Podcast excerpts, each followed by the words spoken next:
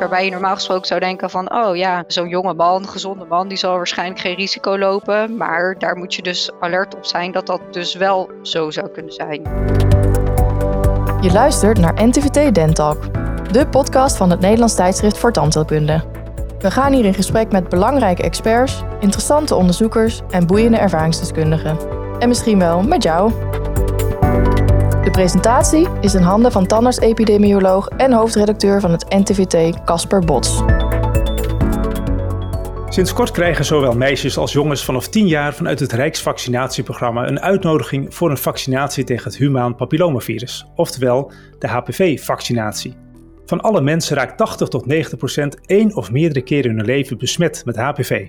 Bij de meeste mensen ruimt het lichaam het virus binnen twee jaar op. Soms gebeurt dat niet en blijft het HPV in het lichaam aanwezig, waardoor schade aan bijvoorbeeld de huid en slijmvliezen kan optreden.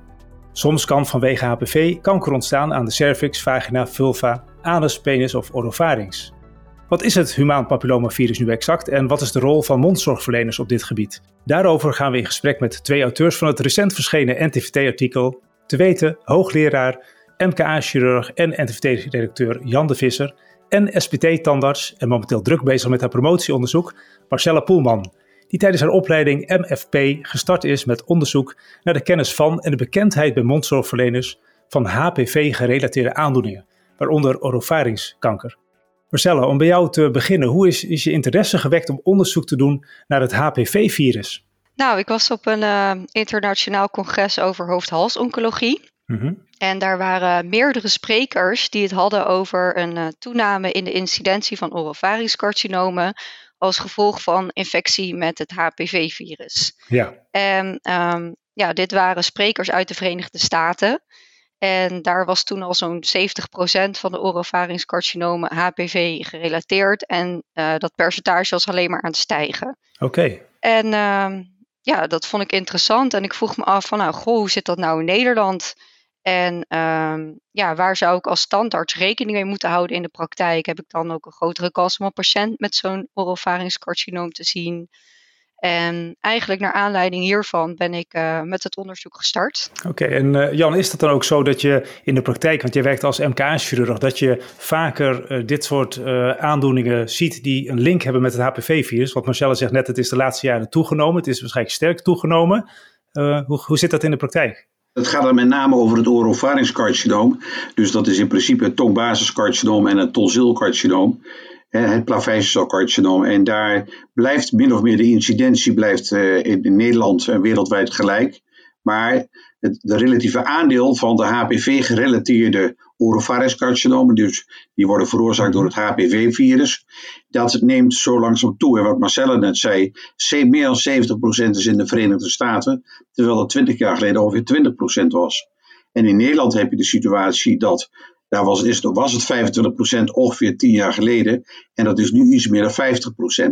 Dus het aandeel HPV-gerelateerde oropharynxcarcinomen neemt toe. Maar het totaal blijft ongeveer hetzelfde. En er zijn ongeveer 900 nieuwe oropharynxcarcinomen per jaar worden in Nederland gediagnosticeerd. Dus de helft uh, daarvan die wordt dan uh, veroorzaakt door het HPV-virus uh, eh, sinds de afgelopen jaren? Klopt, klopt inderdaad. En dat neemt dus langzaam toe. En waarschijnlijk lopen we een beetje achter met de, de Verenigde Staten en Canada. Maar waarschijnlijk is het heel waarschijnlijk dat wij ook uiteindelijk zullen neerkomen dat, dat 80, 85 procent HPV gerelateerd zal zijn. Dus normaal gesproken wordt uh, toch gedefinieerd of bepaald door bijvoorbeeld roken en uh, alcohol. Maar is speelt dat dan haast geen rol meer? Die, eh, dat, dat neemt dus relatief neemt dat af. En dat is eigenlijk zou je verwachten dat je de HPV-gerelateerde, dat je die hebt. En dat er daar bovenop nog de, ik zal maar zeggen, de klassieke oropharynxcarcinomen zouden zijn. Die worden veroorzaakt door uh, gecombineerd gebruik van tabak en alcohol. Maar dat is niet zo. Dat percentage neemt dus af, omdat de totale hoeveelheid die blijft min of meer onveranderd. Ja. Oké, dus dat zou dan weer misschien samen kunnen hangen dat er misschien minder wordt gerookt of minder die combinatie van alcohol plaatsvindt. Zeker, dat, daar, daar is langzamerhand is dat, neemt dat wat af, maar dat zijn, dat natuurlijk processen van jaren. Hè. Al, wil je zoiets krijgen, dan zul je toch risicofactoren gedurende 20, 30 jaar moeten gebruiken. Want, en dan pas kan zoiets ontstaan. En dat is natuurlijk het hele bijzondere met het oropharynxcarcinoom, veroorzaakt door het HPV-virus. Dat zijn relatief jonge mensen. Dus blijkbaar heeft dat minder lang tijd nodig om in te werken en dan uiteindelijk een plaveisselcarcinoom te veroorzaken. Met relatief jong, wat voor leeftijdscategorie spreek je dan over? De klassieken zijn bij boven het 55, 60ste levensjaar. De jongeren, daar heb je het al over 35, 40 jaar. En dat zijn de vroegste al. Dus dat is echt zo'n 20 jaar jonger manifesteert het zich al als je hè, dus een HPV-gerelateerd orovaringscarcinoom krijgt. Ja, Misschien is het goed, eh, Marcel, om eerst even beginnen bij dat HPV-virus zelf. Uh, wat is dat voor, voor virus? Hoe, uh, ja, hoe, hoe werkt dat? Hoe wordt dat overgedragen? Nou, het humaan papillomavirus komt, zoals je zei, al heel erg veel voor. Um, de meeste mensen raken eens in hun leven besmet en meestal verloopt die besmetting symptoomloos. Ja. En het uh, virus bevindt zich dan op de slijmvliezen van de mond- en keelholte en uh, van de genitale regio. En het kan overgedragen worden tussen direct contact tussen de slijmvliezen, mm-hmm. maar ook via de handen en de huid en de mond. En um, ja, er wordt meestal gedacht van het wordt overgedragen tijdens uh, seksueel contact, maar dus ook tijdens onbeschermde seks. Ja, Oké, dus uh, ja, net in de introductie uh, gaf dat al even aan. 80 tot 90 procent van de mensen krijgt hiermee te maken. Dus dat is vrijwel iedereen, vroeg of laat. Uh, en meestal gaat het dus probleemloos. waarom is het dan zo belangrijk om toch ehm, uh, ja, dat te gaan vaccineren bij jonge kinderen. Want ik kreeg toevallig zelf ook een envelop uh, in de briefbus voor uh, een van, me, van mijn kinderen. En toen ik dat artikel in het NTFT had gelezen, dacht ik, ja, dit kan op latere leeftijd, want we hadden het aan tafel erover, kan het toch best grote gevolgen hebben. Niet alleen voor de mond, maar je kan ook peniskanker krijgen. En toen dat noemde, toen schrokken ze helemaal, schrok helemaal ervan. dus waarom is het dan zo belangrijk om te vaccineren? Want hoeveel, hoeveel levens kan je daar dan mee redden? Nou, de reden om uh, de vaccinatie al op tienjarige leeftijd aan te bieden, is omdat het dan het meest effectief is. Het is namelijk het meest effectief voordat je ooit besmet bent geweest met een van die uh, types waartegen wordt gevaccineerd. Oké, okay. er zijn verschillende types HPV. Ja, ja. Je hebt hoogrisicotypes en laagrisicotypes. Je hebt eigenlijk 200, meer dan 200 verschillende types. Dus er zijn er heel veel. En er zijn er ongeveer 13. En die zijn dan uh, aangeduid als risico voor kanker. En uh, de meeste worden veroorzaakt door type 16 en 18. En dat zijn ook de typen die het vaccin in Nederland uh, bevat, waartegen wordt beschermd. Ja, dus voordat dat, dat mensen seksueel actief worden, als je dan vaccineert, dan heb je de grootste uh, bereik en effectiviteit ja. Eh, te, te realiseren. Klopt. Ja, oké. Okay. Um, en dan komen we toch eventjes naar die link met, die, met de mondgezondheid. Kan je dat dan uh, ja, kan je dat, dat zien als iemand een HPV-gerelateerde orovaringscarcinoom uh, ontwikkelt? Zijn er, ja, hoe ziet dat eruit in de mond? Uh, Jan? Wat je ziet is in principe een ulcus. En je, als ik al, zoals al gezegd, is dat op de tongbasis voorkomt. En in de tonsil, dus het lymfoïdweefsel, daar ontwikkelt ze zich dan. En daar blijft het ook. Dan is dat bij normaal tandheelkundig onderzoek is dat bijna niet te zien. Het zit heel diep uh, in de keel. Het zit echt in de keel. Tenzij het in de, in de bovenpol van de tonsil zit, dan kun je het waarnemen. En dan is dan natuurlijk de volgende vraag van hoe vaak zal een tandarts hè, bij het regulier tandheelkundig onderzoek de, de, de keelholte inspecteren. De tongbasis is niet te zien. Wat wel bijzonder is, is dat bij dit type tumor dat er eerder een halskliermetastase is. Dus een, een metastase, een regionale metastase van de van de afwijking naar klier in de hals. Dus een bobbel in de hals, die kan duiden op, en dan hebben we het met name ter plaatse van de kaakhoek, duiden dat er in de mondholte, keelholte, dat er iets aan de hand is. En dat zou dan richting kunnen geven aan, aan nader onderzoek om te kijken of er toch niet sprake is van een oropharynx-carcinoom. We hebben de mondholte hebben we er even bij gehaald. We hebben daar hebben we het even over gehad. De mondholte is, uh, Marcelle noemde het ook net even, daar zijn de uh, de, de die daar ontstaan, die zijn nauwelijks HPV gerelateerd. Ongeveer 2 tot 3 procent. Dus dat betekent dat uh, het HPV nauwelijks een rol speelt bij het uh, ontstaan van het uh, mondholtecarcinoom. En juist, zoals al gezegd, meer bij het orofariscarcinoom. Maar ik kan me dan voorstellen, Marcella, als je een patiënt in de praktijk krijgt met dus een zwelling, uh, daar dat je eerst gaat kijken of het tandheelkundig uh, iets bijzonders is. Of dat, uh, dat je denkt, van, is iemand misschien verkouden of iets dergelijks. Maar dan moet je dus, als je dus iemand hebt tussen de 30 en de 40 met een zwelling daar, met verder een vrij gaaf gebit. Dan moet je, dat is verstandig denk ik, om door te sturen, Marcella, of niet? Ja, in eerste instantie Ja, je kijkt natuurlijk altijd eerst van, goh, zijn er andere oorzaken? Is er verkoudheid? Hoe lang is de zwelling al aanwezig? En uh, wat ik zelf zou doen, is dan na twee weken de patiënt oproepen om te kijken of de zwelling weg is. En als die dan nog steeds aanwezig is, dan is dat een aanleiding om tijdig in te sturen. Ja, oké. En dan Jan, als zo'n patiënt bij jou uh, komt met zo'n zwelling, wat, wat doe je dan precies? Ja, je wilt eerst de zwelling in de hals hebben we het dan over. Daar gaat het om. Je wilt, want er zijn diverse oorzaken natuurlijk voor de zwelling in de hals. En dan hebben we het over de laterale halskiestes. En, eh, dat is de uitgebreide DD. Dus wat je meestal is eerst doet, is onderzoek van het uh, mond-keelgebied. En daar heb je ook de flexibele scope voor nodig. Dus dan moet je met de scope, kun je, dan, kun je dan wel het gebied inspecteren. En dan, als daar verder geen afwijking worden gezien, dan wordt er een punctie gedaan. Uh, van de afwijking. En dat weefsel wat we gekregen wordt, wordt cytologisch onderzocht. En dat geeft je al een richting van wel, waar je aan moet denken. Of dat er mogelijk sprake toch is van hè, een metastase, hè, van een plaveiselcarcinoom in een lymfeklier. Want er hoort in een lymfeklier geen plaveiselepitheel te zitten. Of misschien een laterale halskieste. Of zelfs, hè, dat kan ook nog, een lymfeklieraandoening. Zoals bijvoorbeeld een licht lymfoom. Ja, en uh, Marcella, waarom is het zo belangrijk voor ons als mondzorgverleners om uh, hier kennis van te hebben? Behalve dat je dus op een gegeven moment, zoveel jaar later, uh, ik noem wat, 15 tot 20 jaar nadat je seksuele activiteit of dat er seksueel overdraagbaar dat HPV-virus hebt gekregen, ehm, waarom is het zo belangrijk dat we daar ja, dat als mondzorgverlener daar veel van afweten. Ja, zoals uh, Jan al aangaf, wordt het aandeel van HPV-gerelateerde orovaringscarcinomen steeds groter. En deze patiënten die zijn anders dan de traditionele orovaringscarcinoompatiënten. Want risicofactoren zoals roken en drinken ontbreken vaak. Ja. Het zijn vaker wat jongere patiënten. En um, andere risicofactoren zijn het hebben van wisselende seksuele contacten en ook het hebben van een hogere sociaal-economische status. Oké, dat is dus volledig anders. Ja, het beeld van die patiënt is anders. Waarbij je normaal gesproken zou denken van, oh ja, uh, zo'n jonge man, gezonde man, die zal waarschijnlijk geen risico lopen. Maar daar moet je dus alert op zijn dat dat dus wel zo zou kunnen zijn. Precies, heel, eh, heel duidelijk. Ja. Je was ooit begonnen, Marcella, uh, met het doen van onderzoek naar de kennis van en de bekendheid bij mondzorgverleners van het HPV. Hoe is het gesteld met de kennis op dit gebied? Of hoe was het gesteld? Na deze podcast is het natuurlijk wel beter gesteld, maar... Ja, dat is een goede vraag. Want het onderzoek is in 2016 uh, gedaan. En uh, ja, ik denk nu met de recente campagnes van het RIVM vanwege introductie van uh, het HPV-vaccin voor jongens, dat het kennisniveau wellicht beter is geworden. -hmm. maar toen der tijd wist ongeveer twee derde van de tandartsen dat er een relatie is tussen HPV en het orovaringscarcinoom ja, ze wisten vaak niet dat de incidentie van het uh, orovaringscarcinoom iets stijgt en dat HPV daarbij, uh, ja, dat dat komt, dat HPV steeds grotere rol speelt.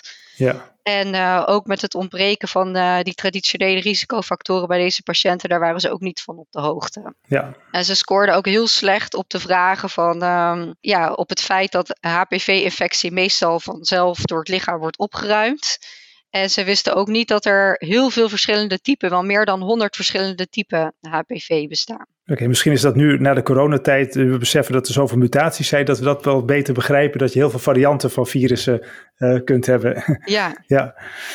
En uh, Jan, wat merk jij nou in de praktijk? Uh, ja, we hadden het net al even over die stijging die, van het aantal mensen met HPV-gerelateerde orovaringskanker. Wat merk je nou concreet in de praktijk daarvan? Uh, merk je dat ook echt op het spreekuur dat, er, dat je per jaar daar meer mensen, jonge mensen ziet?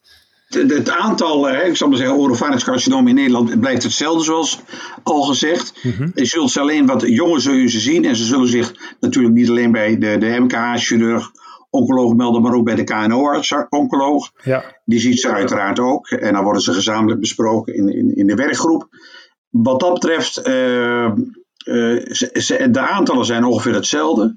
Wat ook wel weer bijzonder is, dat ze op vroeg, wat al gezegd is, dat ze in vroeg een stadium dat ze dan een halsklimetastase kunnen krijgen, dus uitzaaiing naar de regionale lymfeklieren, maar dat de prognose dat die beter is. Patiënten worden over het algemeen bestraald of in combinatie met uh, chemotherapie, dus chemoradiatie, zowel chemotherapie als radiotherapie.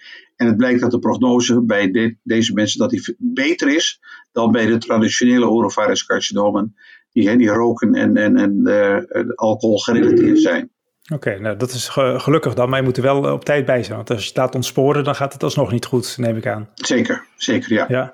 We hebben het nu natuurlijk eh, over die orovariuskanker, maar in de introductie noemden we ook al uh, andere typen uh, kanker die gerelateerd zijn met de HPV. Hoe is nou die verhouding ten opzichte van cervixkanker bijvoorbeeld, Jan?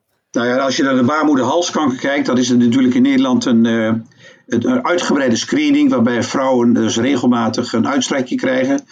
Stel nou dat het uitstrijkje niet plaatsvond, dan mis je dus een heleboel zich ontwikkelende cervixcarcinomen.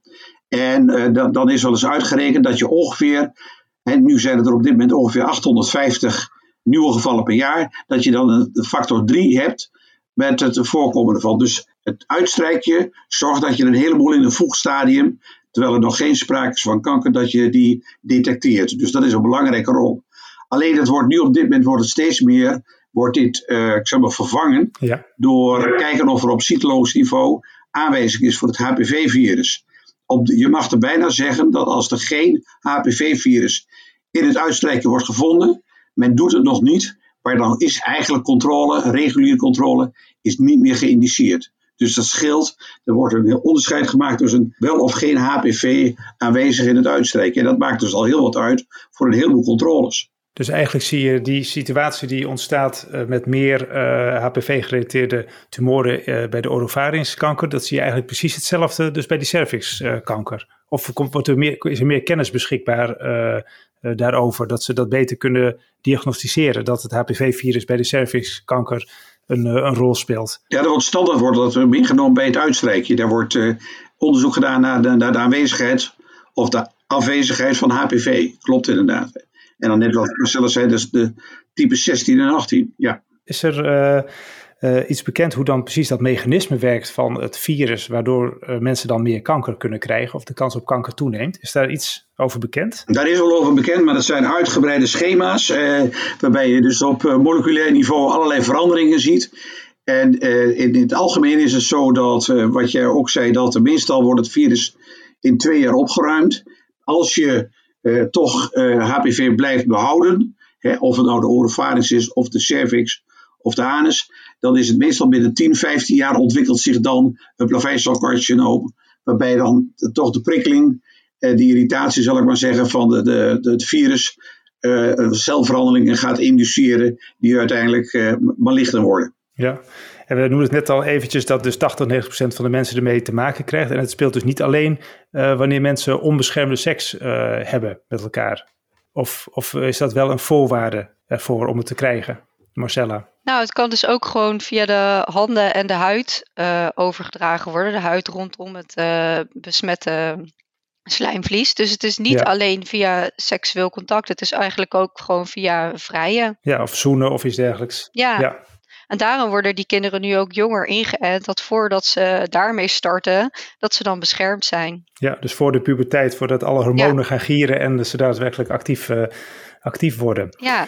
Uh, zijn er nog andere belangrijke dingen, Marcella, die je wil uh, meegeven aan ons als mondzorgverlener? We hebben al een paar dingen besproken, dus dat we, ja, die, de, denk ik, een belangrijke conclusie, dat we dus niet meer de standaard risicogroepen uh, voor ogen hebben, maar ook denk aan jongere mensen, hoger sociaal uh, opgeleid. De zwelling in de hals, daar hebben we het over, over gehad. Zijn er nog ja. andere dingen of dingen uit je onderzoek die naar voren zijn gekomen die je belangrijk vindt om eventjes met ons te delen? Nou, wat ik zelf opvallend vond, is, ik heb die campagnes van het RIVM natuurlijk gevolgd. Mm -hmm.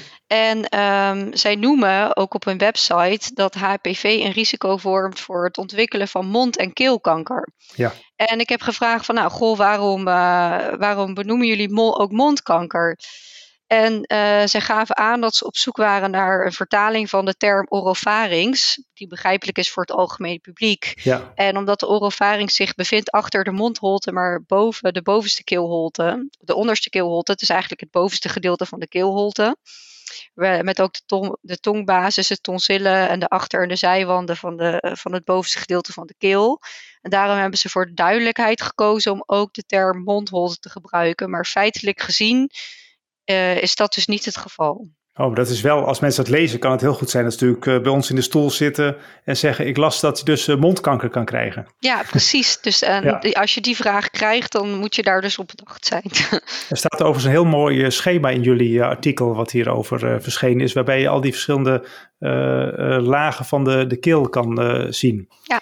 Um, ja, dus dat is heel duidelijk illustratief daarvoor. En uh, Jan, zijn er verder nog dingen die je belangrijk vindt uh, voor ons als mondzorgverlener, zowel als standaards of, uh, of mondhygiënist, om te weten of in gedachten te houden, of misschien zelfs bij als mensen om advies vragen van tandarts of mondhygiënist, wat zou u doen? Wat zou jij doen? Moet ik wel of niet vaccineren? Ja, ik denk dat dat een hele individuele keuze is en ik denk dat je daar verder moet van houden om te adviseren. Ik denk dat je dan op dat moment moet verwijzen naar het RIVM-website. En daar wordt goed uitgelegd wat de wat de voordelen en wat de, de mogelijke nadelen zijn. En in, het begin werd er ook wel gedacht dat uh, dat, dat toch tot diverse aandoeningen zou kunnen leiden, zoals dat bij elke vaccinatie geldt dat. Mhm. Nou, dat is onderhand wel weerlegd. Maar ik, ik geloof dat ik niet een adviserende rol zou spelen en zeggen: je moet het wel of je moet het niet doen. Nee. Informatie geven over waar men juiste informatie kan vinden. Want dat is natuurlijk in de hele, ik zal maar zeggen, de gezondheidszorg en overal is alles te vinden.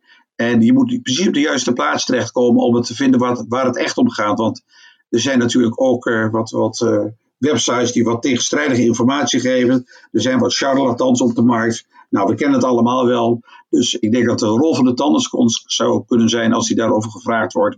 Van uh, ga daar en daar eens lezen en daar, daar kunt u een voordeel mee doen. En laat vooral de patiënt of de ouder afwegen, zelf afwegen wat, wat het uiteindelijk uh, moet worden. Ja, en die, website staan ook gemeld in het uh, artikel, in een, uh, had, ik, ik gezien. Dus daar kunnen we dan naartoe verwijzen. Dus eigenlijk moet dat artikel van het NFT volgens mij gewoon ergens in een laadje liggen... voor als dit te sprake komt, of dat je het snel, snel kan, kan opzoeken. nou, mooi. Ontzettend bedankt voor dit gesprek. En we zijn hierbij aan het einde gekomen van deze Dento-podcast, waarin we in gesprek waren met Marcella Poelman en Jan de Visser over HPV. De aanleiding voor dit gesprek was de start van de vaccinatiecampagne voor jongens in februari 2022. Bedankt voor het luisteren en graag tot ziens.